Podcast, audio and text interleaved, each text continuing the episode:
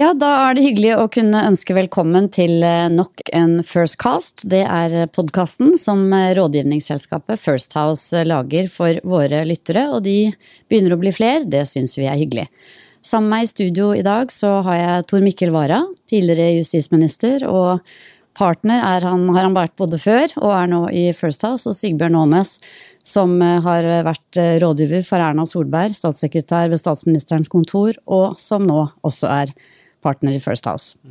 Det er også jeg. Cecilie Ditlev Simonsen er eh, mitt navn, og jeg skal være programleder for denne podkasten.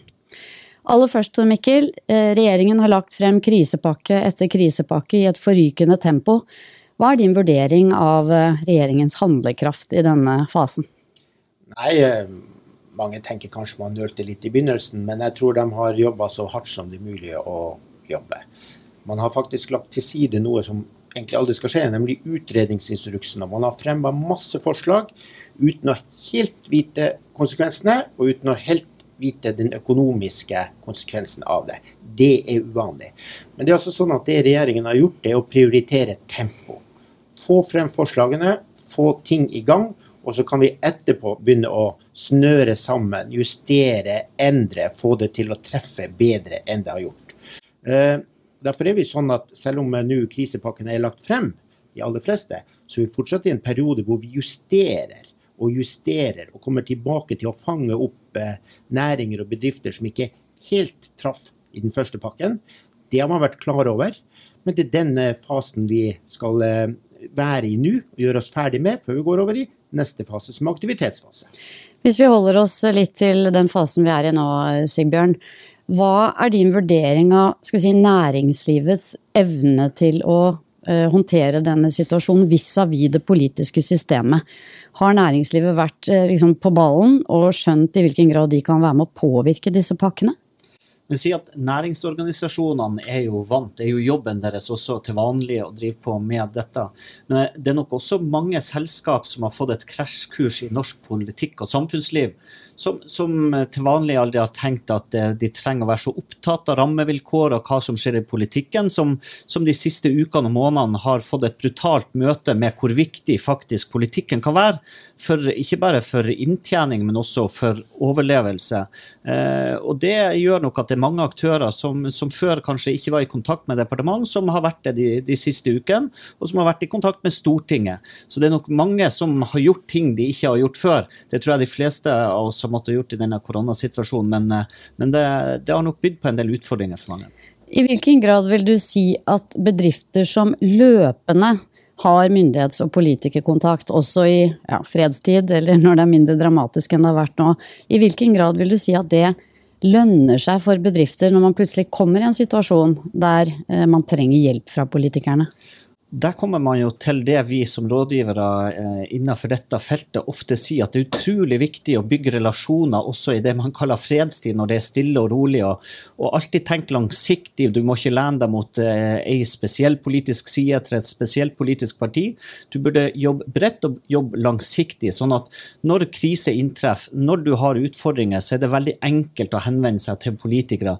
Det tror jeg mange som også nå har lært, at, at det er mye vanskeligere når du, når du står på på bar bakke uten relasjoner, og at det er mye viktigere å tenke langsiktig.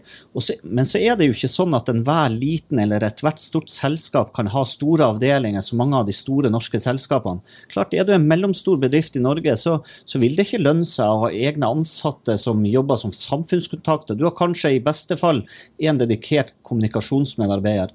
Men det, det er jo da du nettopp eh, trenger av og til rådgivere eller konsulenter og andre som, som hjelper deg i, i, i den type faser, men også i det langsiktige arbeidet. For det, vi må heller ikke komme dit at alle skal ha eh, samfunnskontakt uansett hvor liten eller stor de er. Nei. Jeg tror det kan være, jeg tror det kan være nyttig å tenke på også at uh, samfunnskontakt i den situasjonen vi har vært nå, det er en ekstremsport. Ja. Det er helt spesielt. Så jeg tror selv mange av dem som har jobba med samfunnskontakt og politikerkontakt i fredstid, har blitt overraska. Det skyldes at plutselig så skulle alle inn i døra til politikerne på en gang. Og det ble veldig trangt, og det ble veldig mye støy. Både i media og i de polit ordinære politiske kanalene. Så bare det å nå frem var nok problematisk også for dem som hadde gjort det før. Hvem vil du si har vært eh, de største vinnerne av krisepakkene til nå, Tor Mikkel? Nei, det, det er for, for, tidlig å, å kåre vinnere av krisepakken. Eh, regjeringen har nok eh, sørga for at eh, man bare liksom gir en generell basispakke nå. Og vinnerne kommer nå etterpå når vi skal justere krisepakkene. Vi ser jo at en del av de pakkene som har vært laget, har ikke fungert ordentlig. De har ikke vært tatt i bruk. Eh, så når disse blir justert, og det tror jeg vi må være liksom, vi må la regjeringen få, få sjansen til å justere det før vi er i mål på det. Der er et stykke arbeid som ennå skal gjøres. Neste fase er aktivitetspakkene, for å sørge for at uh, arbeidsplasser består og hjulene holdes i gang, som det sies. Hvordan vil de pakkene bli satt sammen, eh, tenker du Sigbjørn? Nei, altså Tradisjonelt så har man ofte tenkt at der staten skal inn og bruke mer penger, så leter du etter prosjekter som du allikevel ville gjennomført, men som du kan gjøre tidligere enn planlagt for å få opp aktiviteten. Det kan være bygg, det kan være vedlikehold, det kan være jernbane, det kan være bygging av veier den type ting. Eh, nå skal vi ikke bare gjøre det, nå kommer det også til å komme tiltak f.eks. innen fornybare næringer for å skape ny industri og ny aktivitet. Eh, og det blir også spennende å se Stortingets behandling og diskusjon diskusjoner rundt olje- og gasspakken som akkurat er lagt fram. Så, så, så jeg kommer til å, Det er vanskelig å spå hvem som eh, vinner eller taper i dag, men, men disse pakkene er det i hvert fall store muligheter for, eh, for mange bransjer. Ikke minst, og det vil jeg jo lette etter hvis jeg, hvis jeg nå eh, var i næringslivet eller andre, det er jo også gode ideer som ikke koster penger, men som kan skape aktivitet. Altså lover, reguleringer, rammebetingelser som nødvendigvis ikke koster skattepenger, men som tidligere kunne vært vanskelig, men som nå kan skape aktivitet. De som kommer opp med den type ideer, de tror jeg nå også kan eh, komme godt ut av dette. Men betyr det at næringslivet har store muligheter til å være med å påvirke disse aktivitetspakkene? Næring for næring, eller faktisk bedrift for bedrift?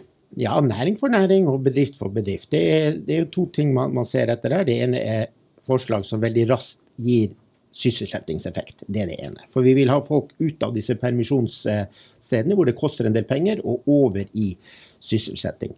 Det er det ene. Det andre man kan gjøre, det er å hvis jeg hadde vært næringslivet, hadde vært å sett på en del av de forslagene som du tidligere ikke fikk gjennomslag for. Nå er tiden for å lansere dem hvis du kan dokumentere at det gir sysselsettingseffekt. Det kan være eh, avgiftsendringer, skatteendringer, men det kan også være reguleringer, unntak fra bestemmelser, hurtigspor for å få ting igjennom.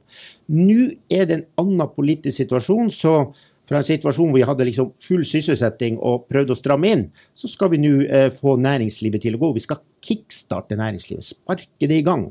Og jeg tror nok at eh, her har man muligheten til å hente frem både gamle og nye forslag på nytt. Mm. Eh, det har jo vært mange rørende enigheter på Stortinget faktisk i denne fasen. Men eh, parallelt med dette så pågår jo nå partiprogramprosessene. Eh, og jeg har lyst til å bare spørre dere, I hvilken grad vil dere si at den situasjonen vi er i, påvirker eller endrer partienes programprosesser? Sigbjørn? Nei, altså det, det, virker jo som at fredstida er litt over nå, og den politiske debatten er, er sakte, men sikkert på vei tilbake igjen med, med politiske uenigheter. Eh, jeg forutsetter nesten at de ulike partiene tenker partiprogrammene på en helt annen måte etter korona enn før korona. For det, det, har gått fra hvor vi bare skal diskutere eh, hva vi skal bruke mer penger på, til i mye større grad hvordan skal vi skape arbeidsplassen som finansierer vår velferd. Og Det betyr at ikke minst det hvordan skape private arbeidsplasser burde ta langt mye større del av programprosessene enn det man kanskje hadde trengt før koronatida. Og, og der vil jo de, alle de politiske partiene være på søken etter de beste ideene. Og mange av disse ideene bør også komme utenfra, fra næringslivet sjøl og fra, fra smarte mennesker med gode ideer. Så her tror jeg det er mulighet å påvirke fordi at man er på søken etter ideer. Partiene sier jo at de gjerne vil ha innspill fra næringslivet. Vil de det? Ja, denne gangen vil de det, mer enn noen ganger før. Jeg tror nok man før dette skjedde, hadde en slags oppfatning av hva næringslivet ønska og ville ha, og man visste også hva det kosta. Og man eh, hadde balansert mange ulike hensyn mot hverandre. Nå er man på jakt etter eh, de ideer man, man eh, ikke har tenkt over tidligere. Og partiene sitter nå og sier at OK, nå er det litt over ett år til valget. På denne tida til neste år så må partiet ha valgt seg en profil. Eh, hvem den skal være, hva den skal drive valgkamp på. Og jeg tror nok at verdiskapning uansett kommer til å være sentral i denne her, men så vil partiene prøve å ha litt ulike profiler, ulike bransjer og ulike vektlegninger når man nå skal ha verdiskapning. For verdiskapning kommer til å bli en veldig veldig viktig del av den neste valgkampen, altså den som vi får om, om eh, drøyt et år. Hva er det som kommer til å påvirke valgresultatet, hvis vi ser eh, med koronasituasjonen eh, bak oss snart? Nei, det, er, det, er, det er, vanskelig å si i dag, men én ting er helt sikkert, er at hvis, hvis regjeringa lykkes eh, også framover i håndteringa kan du si, ikke post korona, for korona skal vi leve med lenge, men spesielt det som går på økonomi og arbeidsliv, eh, så vil eh, regjeringspartiene gjøre det bra. Spesielt sannsynligvis Høyre. Det er alltid det største partiet som tjener på det. Dersom, dersom de ikke lykkes å begynne å få folk imot seg i håndtering av det som går på økonomi og næringsliv, så kommer de til å få større trøbbel. Og, og det er ikke noe tvil om at valgkampen 2021 den kommer til å handle mye mer om arbeidsplasser og aktivitet enn det man eh, så for seg for noen måneder siden. Mm. Er du enig i det, Tor Mikkel? Ja, det er, det er jeg helt uh, enig i. Uh, det vil være arbeidsplasser, men man vil vektlegge dem ulikt. når man nå får en olje- og gasspakke som skal behandles nå i Stortinget allerede nå denne våren, så vil det samtidig være sånn at man må vise at man også satser på de grønne energikildene og den grønne delen av sektoren. sånn at selv om man plukker ut noe, så skal dette balanseres opp i en helhet. Eh, så ja, eh, det vil bli mange nye viktige og interessante forslag som kommer neste valgkamp, og det kommer til å handle om verdiskapning. Mm. Eh, dere har jo da jobbet tett med statsministeren, begge to, og vært toppolitikere begge to. Når alt dette har skjedd de siste månedene på kort tid, er det sånn at det klør i fingrene etter å liksom egentlig drive med politikk, eller er det greit å være i næringslivet?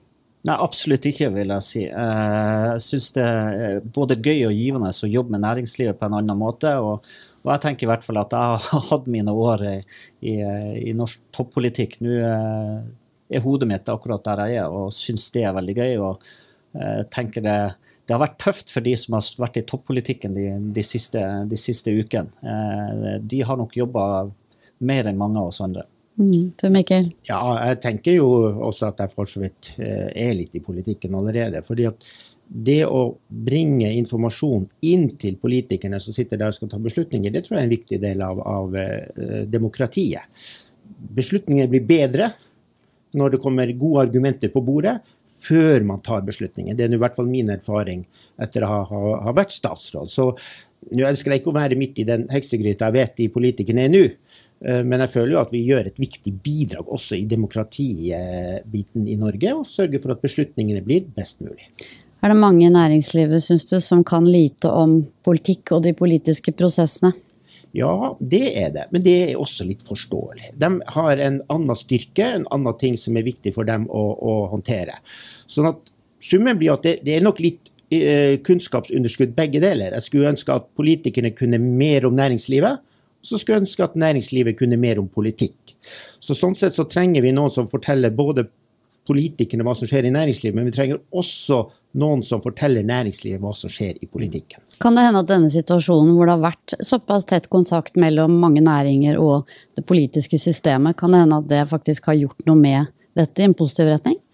Jeg tror nok mange i næringslivet har fått en mye altså større forståelse for viktigheten også av politikk og rammebetingelser. Så er jo baksida av dette at politikerne har jo hatt mye mindre tid til å faktisk eh, være ute, besøke næringslivet, være være i, i mer direkte dialog, eh, ansikt til ansikt med næringslivet, besøke bedrifter, fordi at de har jobba kontinuerlig med, med, pakker, og du har hatt en koronasituasjon som har gjort at dette ikke har vært så enkelt. Men, men noe av det positive er at man har jo fått en ny eh, fiskeriminister under, som kom i starten av korona. og Han har jo sin bakgrunn nettopp fra næringslivet har i intervjuer sagt at han har sjøl stått på kanten av stupet, har kjent på kroppen hvordan det er å, å eh, risikere en konkurs. og Jeg tror at det er veldig positivt å ha en mann rundt kongens bord som også har følt, eh, kjent de følelsene, og som har bakgrunn fra næringslivet på den måten.